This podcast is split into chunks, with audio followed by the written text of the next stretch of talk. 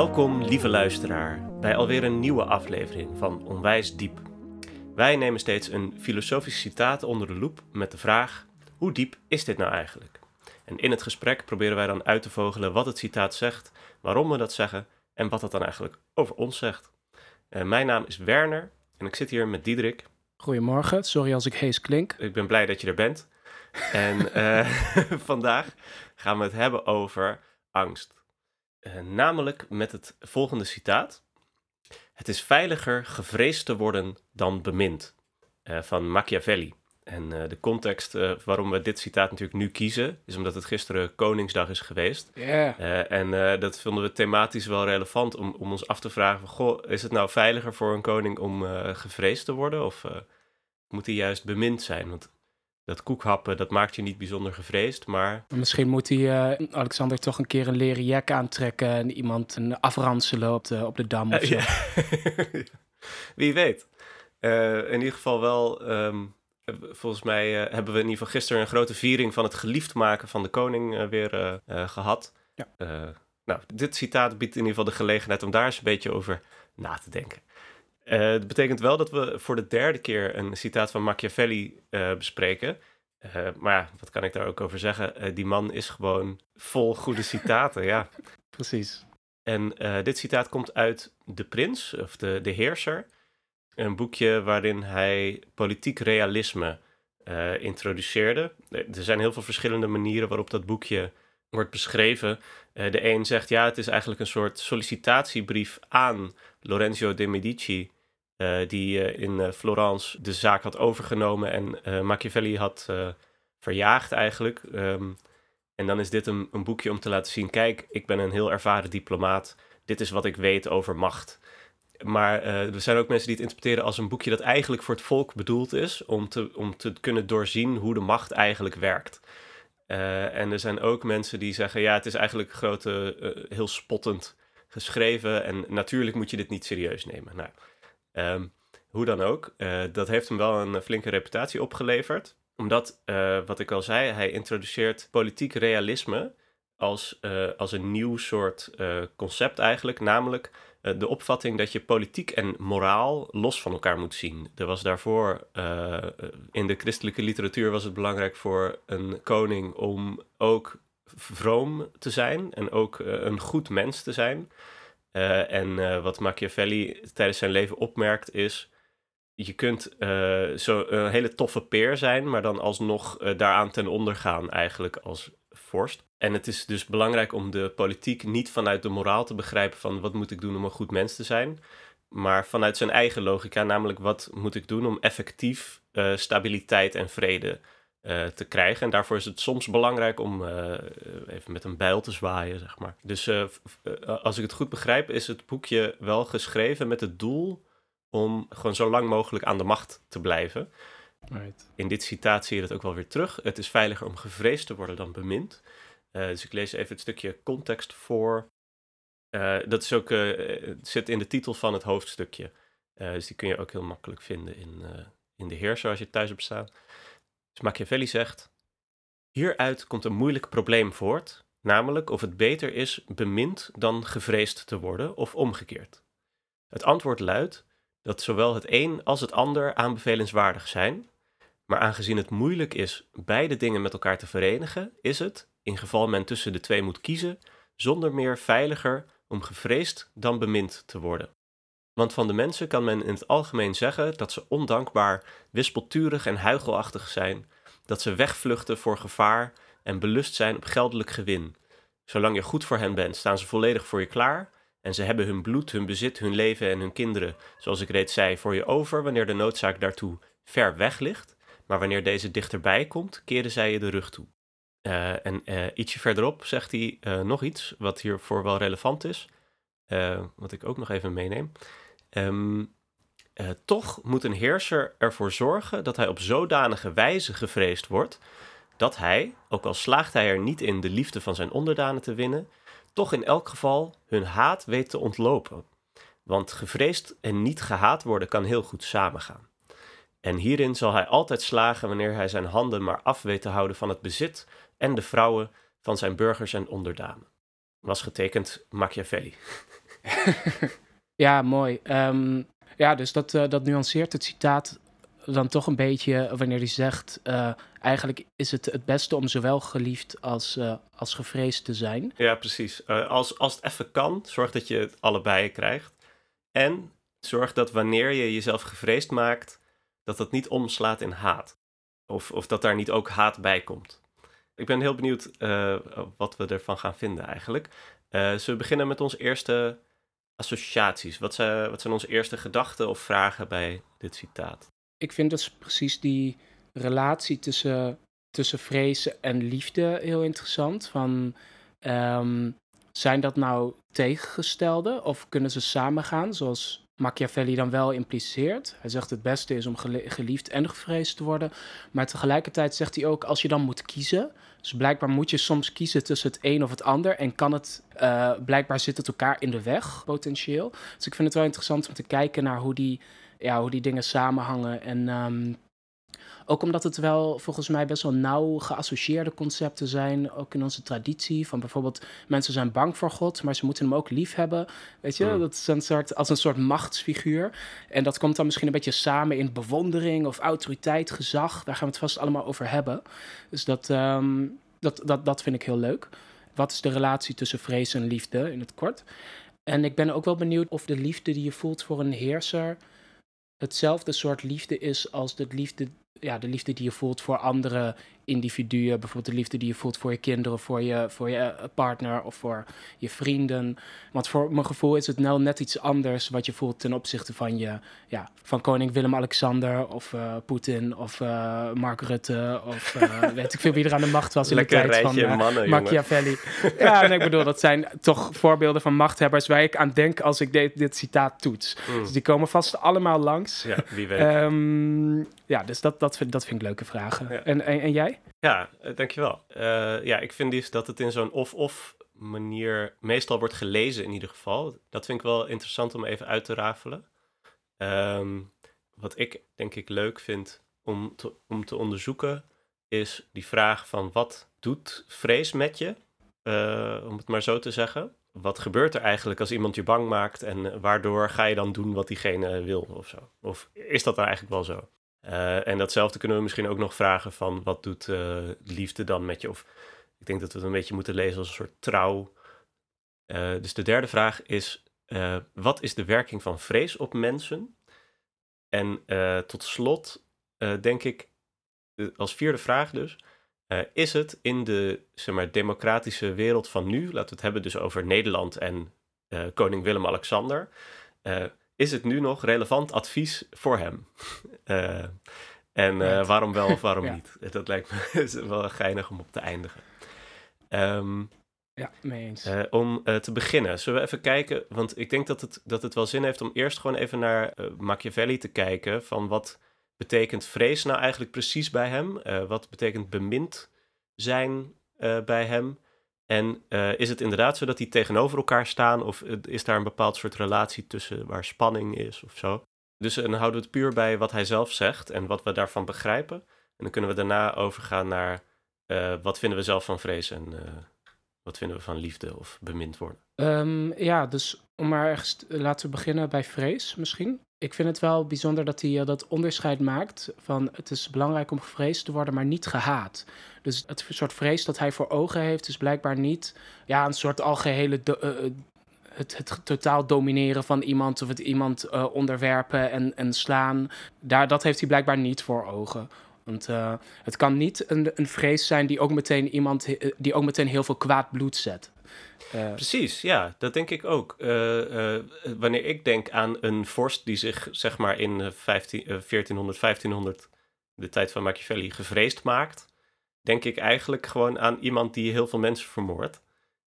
Maar hij zegt juist, uh, zorg dat je wel gevreesd wordt, maar niet je haat op de hals haalt. En dat zal je altijd lukken als je je handen af weet te houden van het bezit en de vrouwen van je burgers en onderdanen. Dus wees geen tiran, zegt hij. Zoveel zegt hij daarmee niet. Iemand respecteer wel regels. Wordt er dan zoiets als wees een autoriteit in de zin dat je een soort vertegenwoordiger bent van wel ook van wetten die voor iedereen gelden. En dat je daar, misschien moet je daar heel strikt aan houden. Ehm, wat dus ook betekent dat je dat mensen daarvan op aankunnen dat er altijd consequenties aan hun handelen zitten. Uh, en dat ze dus ook wel altijd ja, dat ze weten dat ze niet onder jou niet overal mee weg kunnen komen of zo. En daar, dat is dan een element van vrees voor gevolgen of zoiets. Ja, dus uh, wat betekent vrees bij Machiavelli? Dat is dan een soort um, dat je weet dat je gestraft wordt als je je niet aan de regels houdt. Eigenlijk, dat moet je als vorst zien te bereiken, dat mensen dat voelen. Uh, en dat is dan, ik weet niet, ik zou dat zelf als een soort van respect of autoriteit noemen misschien. Dus daar kunnen we zo mooi op ingaan van... Uh... Is de, ja, hoe krijg je dat? Uh, en dat bemind zijn dan? Ik heb het idee dat dat eigenlijk meer zoiets betekent als een soort omgekocht zijn of zo. Als het, als het heeft over ja, als je ervoor moet kiezen om gevreesd of bemind te worden, dan kun je beter zeggen uh, dat mensen weten dat ze straf krijgen, dan dat je ze beloont of zo wanneer je. Ja, het, hij lijkt vooral ook wel te denken aan een beetje een oppervlakkige bijna voor wat hoort wat relatie bij die liefde. Van oké, je geeft mensen wat, uh, wat gunstjes of zo en dan vinden ze je aardig. Want weet je, je geeft je contacten cadeaus of je, je bestuurders um, uh, krijgen bepaalde privileges of zo, ja. weet ik veel. Misschien denkt hij aan zulke soort situaties en dan mogen ze je. En dan is zijn punt een beetje van dat is niet genoeg of dat is niet bindend genoeg. Maar ik wil het zo dan wel even hebben over, is dat dan liefde of bemind worden? Wel een beetje in een nauwe zin ja. in ieder geval. Uh, want hij, hij onderscheidt dat dan ook nog ergens, ik geloof in een stukje dat je niet hebt voorgelezen, van bijvoorbeeld een bewonderenswaardig heerser zijn of zo, omdat je een geweldig karakter hebt. Uh, ja, nee, dat is, dat is inderdaad wel leuk. Dat was ik, ik dacht voor de, voor de ruimte hou ik dat citaat een beetje korter. Maar inderdaad, zit, hij zegt wel een mooi zinnetje, die ook zijn hele eigen podcastaflevering waard is natuurlijk. Um, maar wat hij zegt is want vriendschap die men door geld verkrijgt en niet door grootheid van geest en nobelheid van karakter, die koopt men, maar bezit men in feite niet. Ah ja. Ja, het, ja, ja, het gaat geloof ik om, om, om de, uh, de maat van wat garandeert de meeste trouw. Ja. Dus als we uh, Machiavelli dan goed begrijpen, dan is het wat garandeert de meeste trouw? Dat je ook onaardig durft te zijn en, uh, en streng aan de regels durft te houden, dat garandeert meer trouw en straf geeft wanneer iemand zich er niet aan houdt, um, dat garandeert meer trouw dan uh, uh, vanuit inderdaad een soort van wederkerigheidsstrategie te zeggen, nou weet je wat, ik geef jou gewoon een hoop cadeautjes en dan verwacht ik dat je die op een gegeven moment wel een keer terugbetaalt. Dat is minder trouw, die ander heeft daar minder reden voor om dat terug te geven op het moment dat de nood ineens aanklopt. Oké. Okay. Uh, en, uh, want ja. sluiten die twee elkaar dan uit? Ik denk, ik zou nu zeggen wel, vol, volgens die kwalificatie die Machiavelli eraan geeft.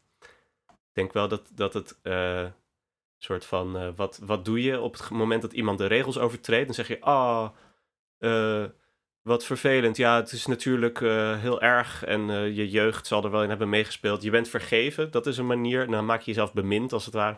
En in datzelfde geval zeg je nee, je krijgt gewoon straf, sorry man. Uh, dat is jezelf gevreesd maken. Uh, dat zijn dan echt wel twee tegenovergestelde dingen. Ja, dus in een situatie, dat is dan een situatie waarin je moet kiezen uh, tussen ja, of, of, of streng zijn of, of lief.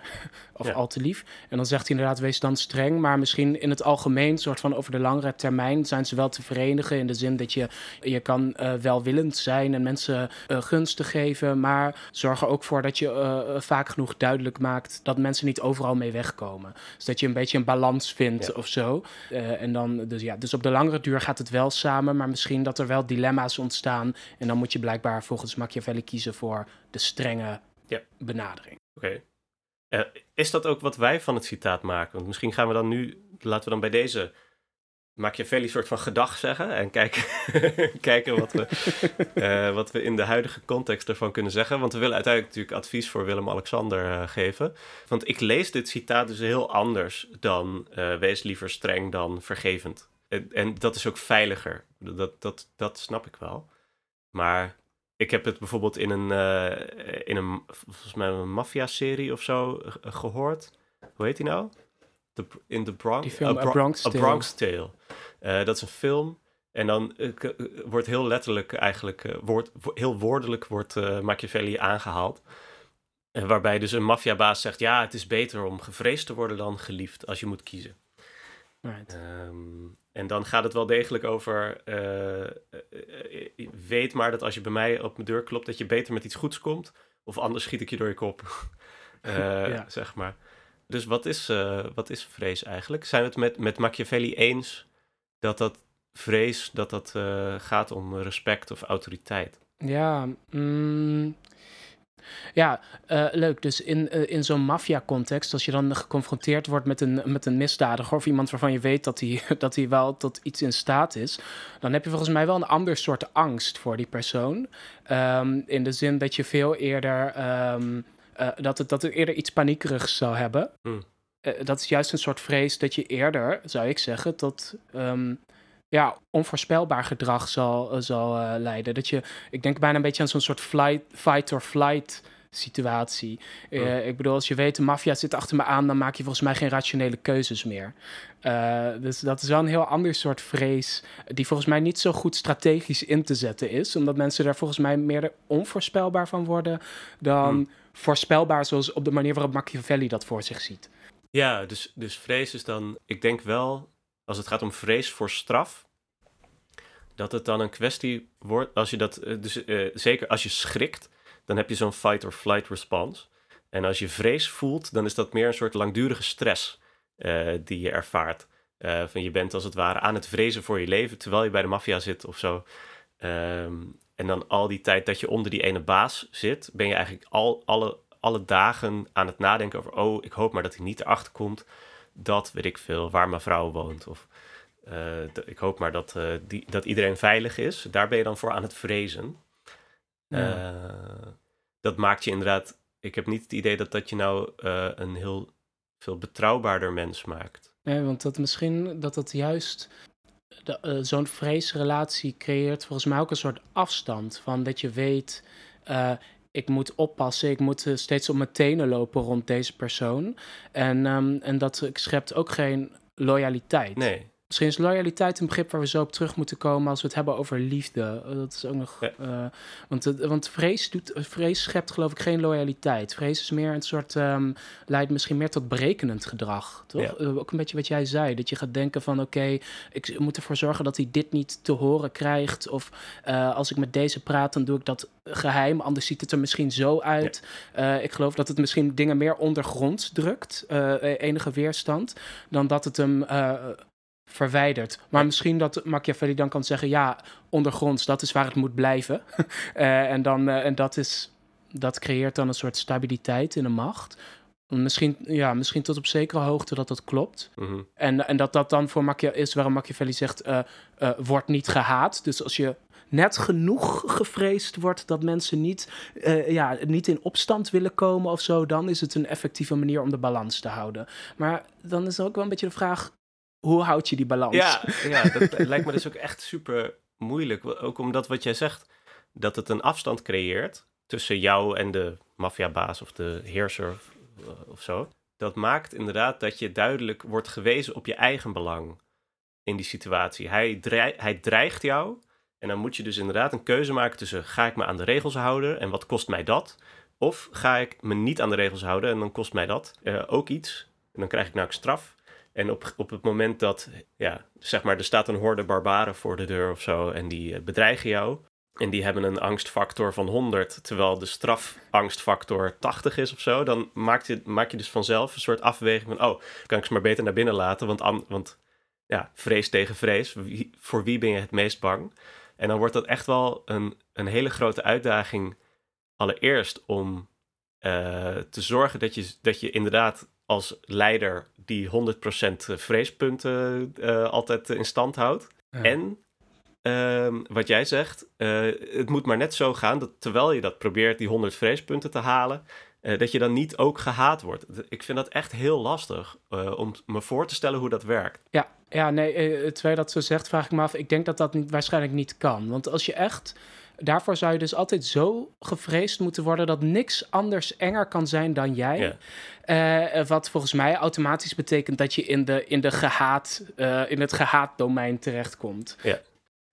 Uh, misschien tot slot, zullen we dat even terugkoppelen naar het citaat en hoe we dat net hadden uitgelegd? Want Machiavelli gebruikt dus het woord vrees, wat wij zien als een soort respect. Uh, kunnen we dat in onze eigen bespreking van vrees ook terugvinden? Of vinden we dat hij een ander woord moet gebruiken? Ja, ik zit daar heel erg tussen te dubben. Ik zou zeggen van, van wel, uh, omdat hij het lijkt te hebben over autoriteit of gezag. Of uh, een, een, bijna misschien zelfs een soort rechtvaardigheid. Van dat je heel goed de regels hoog houdt.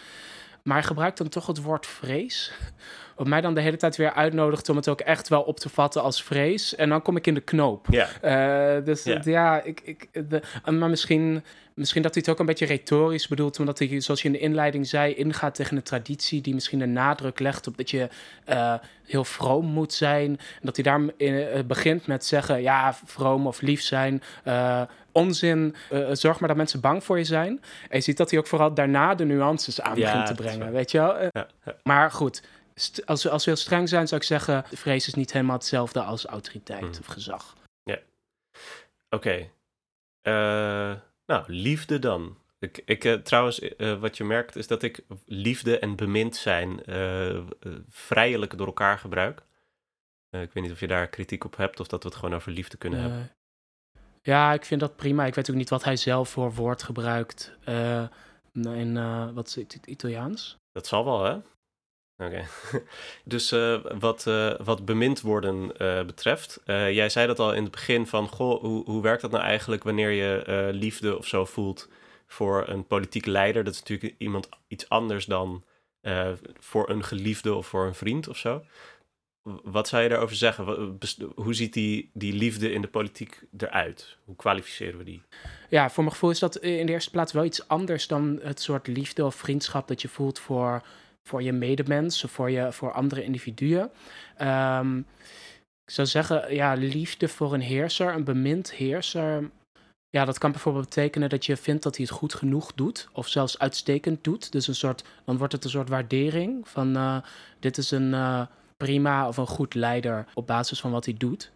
Maar ik dacht, het kan ook misschien iets meer betekenen. Ik, laten we zeggen, ik geloof nooit dat het echt een liefdesrelatie wordt. Van ik houd van deze, weet je, ik houd van de koning of ik houd van uh, Mark Rutte en dat is mijn geliefde of zo, weet je. Zo'n zo betekenis krijgt het nooit.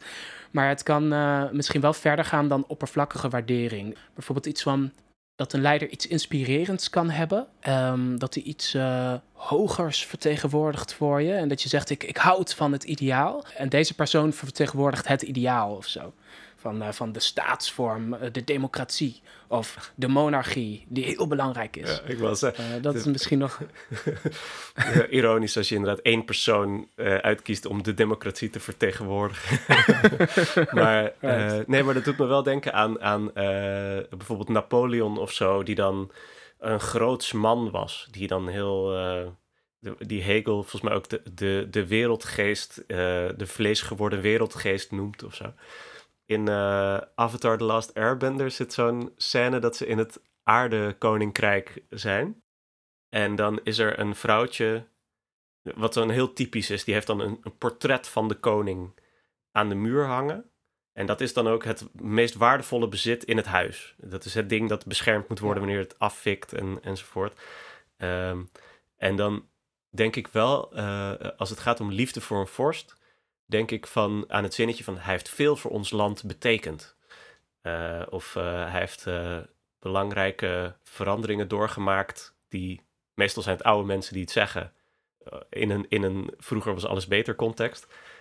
maar wel, um, zeg maar dat is niet het soort bemind zijn of zo waar, ik, waar we het met Machiavelli over hadden. Dat zijn niet mensen die zijn Ehm, die als het ware zeggen: ja, vroeger kregen we nog cadeautjes van de koning en nu niet meer. Uh, maar dat zijn mensen die zeggen: de koning heeft, uh, is voor onze rechten opgekomen of zo. Ja. Maar dat is, dat is dus eerder uh, trouw en, en, een soort patriotisme of zo. Persoonlijk zou ik daar misschien nog wel een soort onderscheid maken tussen. Laat zeggen, om te beginnen heb je Machiavelli, die zegt: weet je, bemind worden is een soort van uh, door mensen aardig geworden om de gunsten die je ze verleent of zo. Dat ze, dat, dat ze dat je leuk vinden. Um, als het de meest mm. oppervlakkige soort liefde dat ze voor je kunnen voelen. Dan heb je um, bemind worden, uh, waar ik een beetje mee begon van... eh, gewaardeerd worden om wat je doet. Dus, want deze heerser doet het prima en doet het goed. Hmm. En, heeft, en daar zou ik eigenlijk zeggen, dat is, deze persoon heeft veel voor, on- voor het land betekend. En dat is dus, daarom eh, waarderen we hem. Eh, maar ik heb het gevoel dat er nog een, nog een categorie is waar ehm, ehm, het een beetje samenvloeit met bijna heiligheid. En daarbij denk, daar denk ik meer als iemand een portret van de koning in zijn huis heeft hangen. Dat is het meest waardevol. Dan denk ik meer aan, eh, ook een beetje aan de serie The Crown. Weet je wel, van de, de monarch en de monarchie is een ideaal, iets, iets bovenmenselijks bijna. eh, eh, waar je in gelooft, meer dan dat je denkt van, oh, deze persoon doet heel veel concreet voor ons. Het is meer, dit is iemand die belangrijk is voor de wereldorde of zo. En dat is ook een, nog een beetje een, dan wordt het een soort de liefde voor een godheid. Eh, en eh, wat dat dan precies is, weet ik ook niet. Eh, dat is maar het bestaat blijkbaar wel. Ja. Dat vind ik wel mooi. Want inderdaad, want dat is het soort, soort wat, je echt wel met soort liefde associeert in de zin van liefde maakt blind of zo.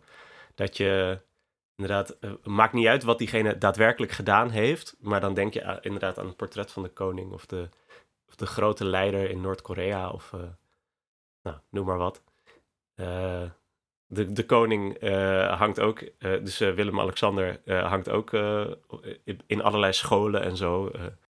ja, zou- zouden we dat dan ook liefde noemen? Het komt wel meer in de buurt eigenlijk hè, dan een soort vriendschappelijke waardering voor wat iemand kan of heeft gedaan. Ja, dat, ik, ik vind dat het heeft voor mij een beetje een wazige status, omdat het inderdaad zoiets aanbiddends heeft, zoals je dat kunt hebben voor een, ja, zeg maar grote bewondering die je ook echt kan hebben in een, in een liefdevolle vriendschap. Maar het heeft ook iets heel afstandelijks, weet je? Juist omdat ook eh, de heerser in zo'n ehm, zo'n relatie heel, ja, eigenlijk net als wat we eerst associeerden met vrees, ook weer een soort afstand krijgt. Een soort van afstand van ver verheven zijn. En misschien dat eigenlijk eh, daar de vrees ook alweer om de hoek komt kijken. Dat je bijvoorbeeld de monarch die op een grote afstand rechtvaardig de wereldorde in stand houdt, is ook een monarch waar je die zoveel ont- ontzag inboedemt dat je hem niet durft te benaderen. Als de Ja. koningin dan echt, of de koning of de koningin dan echt langskomt door de straat, dan vallen mensen ook flauw, of weet ik veel.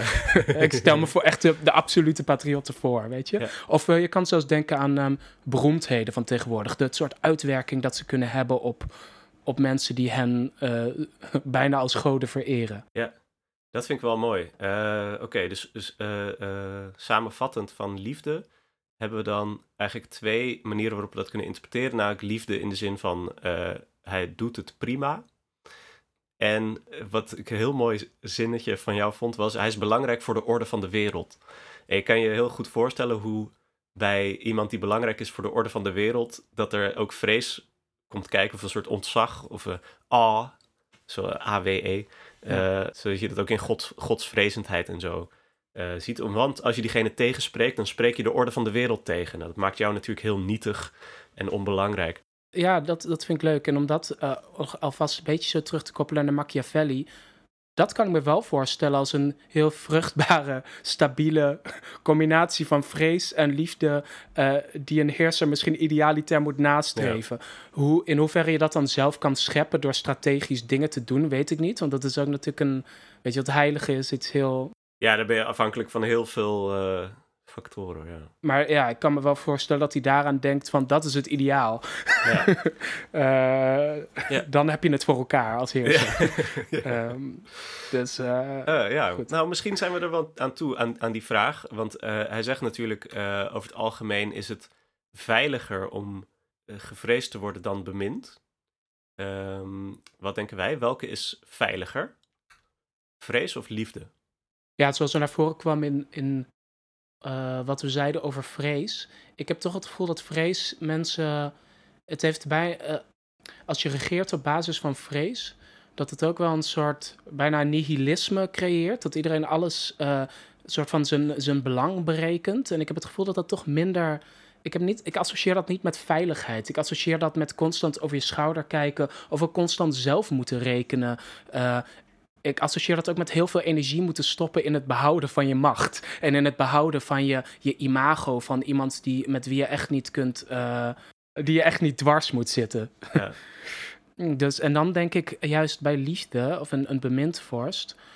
eh, dat daar associeer ik toch iets, iets duurzamers mee. Van juist dat als de tijden moeilijk zijn. Een wat directer beminde vorst is misschien benaderbaarder en dat is misschien uitnodigender om in tijden van crisis bijvoorbeeld in de eerste plaats te denken: oké, we moeten hier samen uitkomen. Stel, ik ben een edelman of ik zit in het bestuur en er staat een vorst boven mij uh, en uh, er komen moeilijke tijden aan. Een cynicus zegt dan, ja, dan gaat iedereen in zijn eigen belang handelen. Maar als je een goede relatie hebt met die vorst, zul je misschien eerder naar hem toe stappen en kijken van, hoe zullen we dit oplossen? Dan dat jij, dat jij dan op dat moment in crisistijd achter een, een ambitieuze generaal schaart die zegt: We hebben een revolutie nodig en dit staatshoofd moet vervangen worden. Ik denk dat een goede band hebben met je vorst, of een, als vorst een goede band hebben met je onderdanen en met je bestuurders, wel iets duurzaams heeft. In een, uh, wel een, een uh, misschien niet eindeloos veilig is, maar wel. Nou, nou ja, dus, dus inderdaad, zou je zeggen dat, dat die duurzaamheid dat het ook uh, meer veiligheid is? Ja, tot op zekere hoogte wel. Maar misschien, misschien heb ik te veel vertrouwen in een mens. En uh, ja, misschien ben ik uh, uh, daar te romantisch over. Machiavelli is dan, die toont zich natuurlijk wel meteen ook een beetje een cynicus. Want hij zegt, mensen handelen altijd in hun eigen belang. En dat snap ik op zich wel vanuit het pragmatisch perspectief. Van oké, beetje zoals je de wet schrijft. Je gaat vanuit dat iedereen hem probeert te misbruiken. En dan moet je hem zo vormgeven dat hij zo min mogelijk misbruik, misbruikt kan worden. Zoals een soort van adviserend, pragmatisch perspectief snap ik dat hij zo redeneert. Maar als je het echt hebt over wat is veiliger, bemind worden of gevreesd worden, dan vind ik het toch moeilijk om te zeggen ja, gevreesd worden. Um, ja, dus ik denk samengevat dat, uh, dat vrees ook afstand creëert. En uh, een beetje zorgt dat mensen hun eigen belang juist gaan berekenen. En dat dat niet zo'n uh, duurzaam fundament is. Terwijl liefde ook juist een band kan smeden. Die ook in crisis blijft bestaan. Dat is een, een, gedachte die ik heb. En dan zou je kunnen zeggen, eh, bemind worden is veiliger. Uh, want er is een band die blijft bestaan in plaats van gewoon een, soort berekening. Nou, wat denk jij eigenlijk? Um, dus ik vind het dus heel lastig om te zeggen wat, uh, welke veiliger is.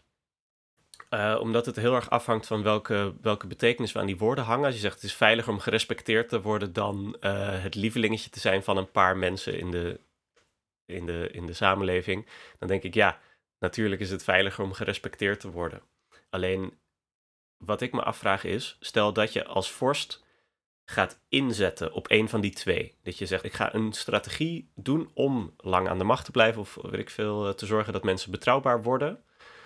Moet je dan het pad van proberen mensen bang te maken bewandelen? Of moet je het pad van proberen mensen van je te laten houden bewandelen? Want ik ben het met jou eens dat vooronderstelt dat je geliefd wordt, oprecht, door allerlei uh, onderdanen, dan is natuurlijk liefde veiliger dan gevreesd worden.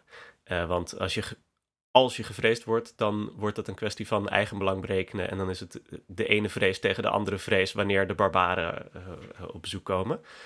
Maar als strategie is het misschien een ander verhaal. Ik heb het idee dat je, misschien ook niet trouwens, maar, maar wel. Um, uh, stel je zet erop in om gevreesd te worden, dan kan ik me voorstellen dat daar ook heel veel risico's bij komen kijken. Bijvoorbeeld die haat en die tegenover elkaar komen te staan. Uh, dus als je je inzet is om uh, gevreesd te worden, dan is dat relatief bereikbaarder dan een poging om geliefd te worden. Want iemand die een poging doet om geliefd te worden, die zal heel snel uh, een sukkeltje dat uh, maar een beetje uh, de mening van anderen belangrijk vindt en alles doet om gewaardeerd te worden en aandacht te krijgen enzovoort. En dat lijkt me niet, niet een, een strategie die je respect oplevert. Maar dat valt natuurlijk ook over vrees te zeggen. Van als jij een soort mislukte poging om gevreesd te worden doet, dan is dat wat we tegenwoordig zeggen cringe. Ja, ik denk daarbij wel dat je misschien en ik denk dat dat is wat, waar Machiavelli misschien aan denkt en waar ik het geloof ik, waar ik het misschien wel mee eens ben, is dat het wel makkelijker is om echte vrees in te boezemen dan echte liefde. Zeg als je probeert, wat jij zegt, als je strategisch moet zijn en um, je wil jezelf geliefd maken, dan kom je inderdaad al gauw uit, als heerser, dan kom je al gauw uit op mensen dingen geven en gunsten uh, uh, verschaffen. Maar dat creëert misschien niet echt een. Dat, dan kun je zeggen, ja, maar dat creëert toch nooit echte liefde. Echte liefde kun je niet zo goed controleren. Daarvoor moet je bijvoorbeeld een heel bijzonder persoon zijn of weet ik veel. Terwijl vrees, uh, voor vrees hoef je alleen maar iemand te executeren en dan weten mensen Eh, dit zijn echte consequenties. Dat is, dat is concreter en misschien in die zin voor een heerser toch bereikbaarder als een strategie. Ja. Nou, wat misschien in deze context, omdat jij het hebt over iemand eh, executeren, Machiavelli die geeft daar ook een soort van kwalificatie aan van wanneer dat wel of niet mag. En dat heeft dan te maken met of je gehaat wordt of niet.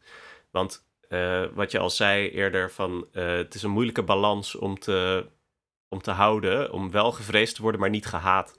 En wat Machiavelli zegt is bijvoorbeeld over executeren van iemand, dat je dat eh, zou het voor hem toch nodig zijn iemand ter dood te brengen, dan moet hij dat doen op een moment dat hij zijn daad behoorlijk kan rechtvaardigen en er een duidelijk motief voor kan aangeven.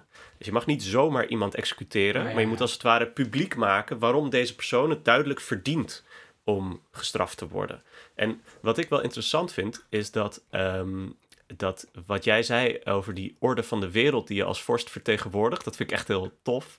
Eh, volgens mij is precies dat, dat laten zien dat er een duidelijke rechtvaardiging voor is, voor jouw vreedheid, dat dat het is eh, wat zowel vrees inboezemt als die orde van de wereldachtigheid soort van tot stand brengt. Ja.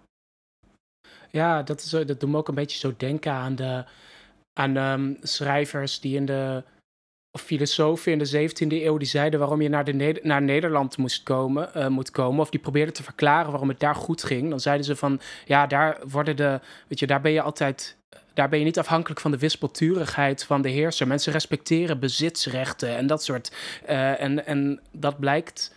Ja, dat wordt wel nauw geassocieerd met duurzaamheid. En daar zit volgens mij ook wel. Dus ik, dat, dat zou ik misschien wel historisch bewezen achten. Bijvoorbeeld als er weinig corruptie is gewoon in een staat, dan, dan hebben mensen vertrouwen in het systeem en dat, dat helpt. Dat maakt een, een land stabiel en een, een, Ja. een staat stabiel. Terwijl wispelturigheid of eh, willekeurige corruptie of willekeurige executies werken altijd tegen eh, de stabiliteit. Ja, Ehm, ja en dat heeft dan dus eerder, dat heeft dus echt te maken met de, met de willekeur. Eh, ik, ik herinner me dat in die, wat jij zei over dat vrezen, dat voortdurend over je schouder kijken enzovoort, dat doet mij denken inderdaad aan wispelturigheid. Eh, dat je onzekerheid voelt voortdurend. En dat je vreest, inderdaad. Dat, dat is wat we er snel bij denken. Van, je weet maar nooit wat voor bui de koning vandaag gaat hebben. Dat, eh, al, die, al die films dat er dan een slechterik is met een knop... waarmee je dan, weet ik veel, de stoelen van de mensen aan zijn vergadertafel... in de krokodillenrivier laat vallen of zo. right. Ehm, dat, dat is eh, vrees voor de wispelturigheid ervan. Maar eh, er is een ander soort. Dat zou ik dan dus wel respect of autoriteit noemen. Wat je inboezemt. op het moment dat je heel rechtlijnig bent in de regels. Je hebt dit gedaan, we hebben daar bewijs voor. En de enige rechtvaardige oplossing is deze. En dat pre- presenteer je dan publiekelijk. En iedereen knikt. En dan mag je de executie uitvoeren, om maar zo te zeggen. En dan zullen er dus wel kritieken zijn. Maar jij hebt iets als het ware vanuit een soort redelijkheid, vanuit een soort rechtvaardigheid om eh, jouw actie te onderbouwen. En volgens mij is dat waar je uiteindelijk naar streeft en waar ook, waardoor dus ook mensen betrouwbaar worden. Want dat is Ja. uiteindelijk het doel van als vorst wil je dat mensen, dat, dat, dat mensen betrouwbaar worden. Je kunt ze of proberen betrouwbaar te maken met vrees of met liefde. Maar wat we nu eigenlijk zeggen is, je moet ze betrouwbaar maken door eh, rechtlijnigheid, door, ehm, door voorspelbaarheid. Dat iedereen weet wat de regels zijn. En dat iedereen ook weet wat er gebeurt als je je niet aan de regels houdt. En dat dat ook echt altijd gebeurt. Dat is wat, Ja. wat volgens mij Machiavelli met die vrees bedoelt. Maar dat vind Ja. ik het zet ons op een compleet verkeerd pad eigenlijk, dat woord. Precies, ik vind dat heel grappig. Dat hij, want ik ben het dus eens met Machiavelli's eh, twee alinea's, maar niet met het, de, het citaat hij ze samenvat. want eigenlijk is dat helemaal niet wat hij uiteindelijk argumenteert, geloof ik. Hij zegt meer, eh, eigenlijk zegt hij misschien bijna zoiets als je moet rechtvaardig zijn. Daarvoor kun je niet alleen maar lief zijn, je moet ook streng zijn. Ja. Maar eh, de stabiliteit wordt gegarandeerd door de wetten die jij vertegenwoordigt ook. Of in ieder geval dat jij daarin duidelijk maakt dat het niet allemaal willekeurig is. Ja, nice. Oké, eh, dus op de vraag van welke is nou veiliger, vrees of liefde? Wat, wat denk jij? In ieder geval denk ik dat vrees de situatie niet stabieler of voorspelbaarder maakt. En ik geloof, eh, dat, ik geloof dat ik het daarin niet met Machiavelli eens ben. Ik geloof niet dat vrees veiliger is dan liefde. Ik weet niet of liefde veiliger is dan vrees, maar ik geloof in ieder geval dat vrees niet veiliger is dan gevreesd worden, niet veiliger is dan bemind worden. Alright. Eh, nou, dan ga ik je meteen ook uh, want dat was waar ik mee begon, met het idee dat we dit voor Koningsdag doen, natuurlijk. Uh, hebben we dan vanuit deze bespreking ook uh, advies voor Willem-Alexander vanuit de Machiavelli? dus, want ik zou zeggen dat Koningsdag is zo'n dag waarop de koning zich geliefd probeert te maken. moet hij daar dan mee ophouden? Of, of is dat juist, dus eigenlijk volgt hieruit van dat is iets goeds? Of zeggen we dat geliefd maken of gevreesd maken heeft eigenlijk niks te maken met waar Machiavelli het over probeert te hebben? Ik denk eigenlijk dat misschien als je dat het goed advies is aan de koning om zich uh, aan de regels te houden. En voor, ik bedoel, we hebben natuurlijk een ceremonieel staatshoofd, dus voor hem zal het dan bijvoorbeeld zijn dat hij niet tijdens corona een vakantie plant, terwijl andere mensen dat niet, uh, niet kunnen. En ik denk ja. dat het nota bene dat hem geliefd zal maken. Dat de populariteit van de koning toeneemt wanneer mensen zien dat hij een, uh, wanneer hij zich presenteert als iemand die zich net als alle andere burgers, zo gezegd, aan de regels houdt. En um, ik denk dat het geen goed advies is aan hem om, om uh, zich gevreesd te maken. Uh, maar dat komt, ja, dat hangt er misschien, dat komt misschien ook doordat hij natuurlijk een ceremoniële functie heeft en dat vreestuin gewoon niet zoveel plek heeft. Dan uh, kan hij daar beter niet op inzetten op de dreiging. Dan wordt het, wordt het heel loos. nee, ja, precies. Ja, want uh, dat punt van als je een poging doet om gevreesd te, te, zijn, maar dat niet lukt, dan wordt het cringe. In ieder geval is dat mijn mijn stelling. Ja, en als je je koning Willem-Alexander voorstelt... Ja, Willem-Alexander die dan inderdaad heel boos doet, of weet ik veel. Uh, probeert uh, zijn dochters op de gang te zetten of zo. Dan, dan zie je dat al gewoon mislukken. right. uh, maar oké, okay, dus, dus zeggen we dan ook van... omdat... Ja, kijk, Willem-Alexander is natuurlijk niet de heerser, maar... zeggen we dan ook van ja, de huidige context is zo anders. Uh, dus met de democratische uh, staatsinrichting en, uh, en een ceremoniële functie voor de koning. Dat betekent ook dat, dat dit advies niet meer opgaat? Of dat wat Machiavelli zegt, dat dat niet meer relevant is voor nu? Ik denk dat ik dat wel zou zeggen, ja. Ik geloof dat dat niet meer relevant is. Uh, maar ja, dus vanwege de ceremoniële functie. Maar ik geloof ook dat als je het hebt over mensen met daadwerkelijke macht, als je het als advies aan Mark Rutte of aan weet ik veel welke staatshoofd, misschien ook in een in democratische of relatief democratische systemen, dat dat niet zoveel, dat, uh, dat de vrees niet zoveel zoden aan de dijk zet. um, Zowel als je een ceremonieel staatshoofd bent, als wanneer je een gekozen staatshoofd bent, heb je meer aan populariteit, zou ik zeggen. En ik geloof dat je die niet zozeer krijgt met vrees. Misschien wel met rechtvaardigheid en je goed aan de regels houden. Dus als je Machiavelli zo interpreteert, dan dat wel. Maar vrees, nou, dat vind ik niet het juiste woord. Ik geloof niet dat nee, het daar een plek nee. in heeft. Ja, want het gaat, het gaat inderdaad om, waar, waar we zeggen dat het om, uh, om gaat, is dus respect uh, of een soort rechtlijnigheid. En dat bereik je eigenlijk ook als Willem-Alexander alleen maar wanneer je uh, niet alleen tegen anderen die rechtlijnigheid hanteert, maar ook tegen jezelf. Dat is wat in ieder geval respect teweeg brengt. Namelijk dat wij een gevoel van rechtvaardigheid en die, en die vertegenwoordiging van de orde van de wereld um, uh, kunnen projecteren op uh, Willem-Alexander, om het maar zo te formuleren. Maar dan maakt hij zich daarmee maakt hij zich niet gevreesd of zo, maar hij maakt zich daarmee wel rechtvaardig. En dat is een soort voorwaarde om geliefd te worden door ja. een groot deel van het volk. En zeker omdat hij een ceremoniële functie heeft en dus uh, alleen maar een publieke functie die gaat om dat andere mensen het zien en dat andere mensen hem in de gaten houden of zo, of zien wat hij doet. Uh, dat maakt dat hij ook, ik denk wel, wel zeker dat, dat een koning zo'n soort symbolische functie, dat zo'n symbool heel belangrijk is voor het voor een idee van ja, stabiliteit of zo, van gezamenlijkheid. Van oh, er is iets dat Nederland is. En dat, dat wordt enigszins vertegenwoordigd door. Werner, ik dacht dat jij republikein was. Zoals nee, ik. helemaal niet. Nee, nee, nee. Oh, wat erg. En dit ontdekken we nu pas. maar dus uh, lekker blijven koekhappen, is eigenlijk. Uh... Oké. Okay. Um, dus laten we hem eventjes uh, samenvatten en een oordeel geven. Wat klopt het nou, die zin? Wat, wat, wat vinden we ervan? Het is veiliger gevreesd te worden dan bemind? Ja, die zin klopt volgens mij niet. Uh, zijn, het punt dat Machiavelli daaromheen maakt, klopt ja. volgens mij wel. Alleen de manier waarop je het samenvat, klopt ja. geloof ik niet. Ja, die indruk heb ik ook. Dat dat, dat vrees zet ons gewoon op verkeerd spoor. Ja. Oké, okay. uh, is het dan ook niet diep? Oeh, is het diep. Wat vind jij? Nou, ik, um, ik, ik heb wel snel bij citaten die niet kloppen, dat ik ze ook meteen niet diep vind. En dat heb ik bij deze ook. Uh, ja, nou, wat je zegt van de, wat hij eromheen zegt, dat is allemaal best wel, best wel, laten we zeggen, behulpzaam. Het, het geeft je wel een inzicht in de psychologie van mensen of zo, van wat ze wel en niet, uh, waardoor ze wel en niet trouw worden. Ik heb het idee dat je daar wel uh, op een soort gezonde, nuchtere manier voor wordt gewaarschuwd in het tekstje. Zo van, ah ja, koop niet je trouw, want als je het koopt, dan is het niet dan bezit je die trouw nog niet. Uh, zorg dat je niet gehaat wordt. Dus blijf van het bezit en de vrouwen van de burgers af. mensen zijn ondankbaar, wispelturig. Dat soort dingen zijn allemaal gezond om in je achterhoofd te houden. Maar al die dingen worden precies niet gezegd door het zinnetje: het is veiliger gevreesd te worden dan, dan bemind. Daarom vind ik hem niet diep. Ik vind Machiavelli wel diep. Maar ik vind het citaat zelf en zeker, nou misschien tot slot, uh, als je ziet hoe het tegenwoordig gebruikt wordt, alsof het wel diep is, dat is natuurlijk helemaal erg.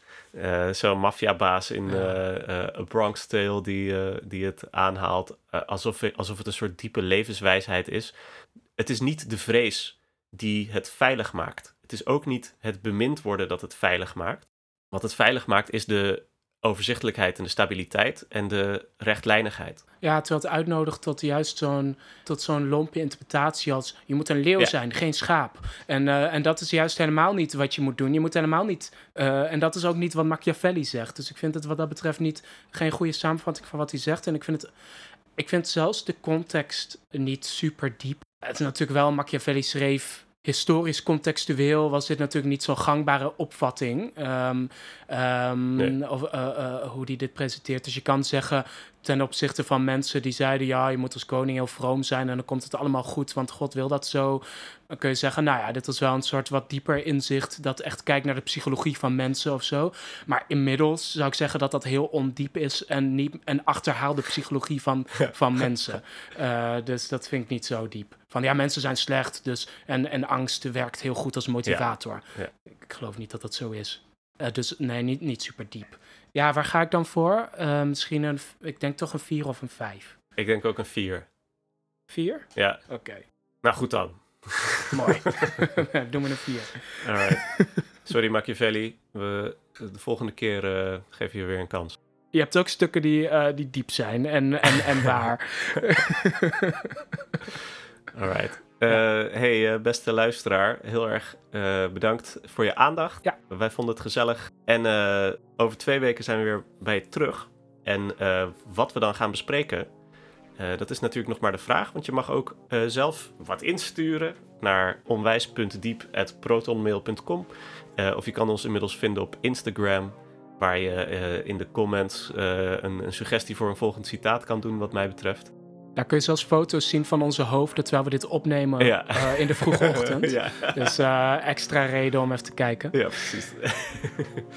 en uh, het wordt mij verteld dat daar ook binnenkort ons logo op zal verschijnen. Ja, inderdaad. Dat is de mythe, die, de on mythe van Onwijs precies. Diep. Ja. Alright. Hey, tot de volgende keer. Tot de volgende keer. Bedankt voor het luisteren.